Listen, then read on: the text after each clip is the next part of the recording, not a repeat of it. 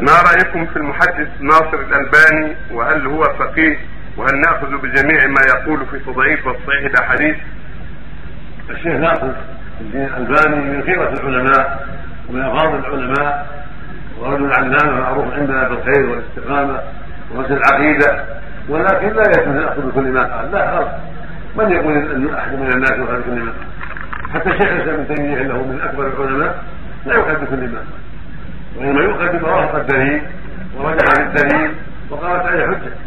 اما ما اتضح أنه غلط فيه أو اخطا فيه فلا لكنه علامه واجاباته جيدة وغالب ما يتكلم فيه صحيح وجيد ولكن قد يغلط في بعض الأشياء قد يخطئ في بعض الأشياء مثل غيره من الناس. ما من عالم الا وله أخطاء. حتى الائمه الاربعه مالك وأبو حنيفة والشافعي كل واحد له اغلاط وأحمد بن حنبل وسفيان الثوري والأوزاعي وغيره كل واحد له اغلاط معروفة واخطاء لا يجوز ناخذ به يكون عامل له اغلاط وله أخطاء.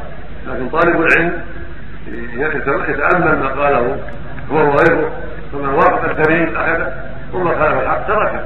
والعامي يسأل أهل العلم عما اشكل عليه.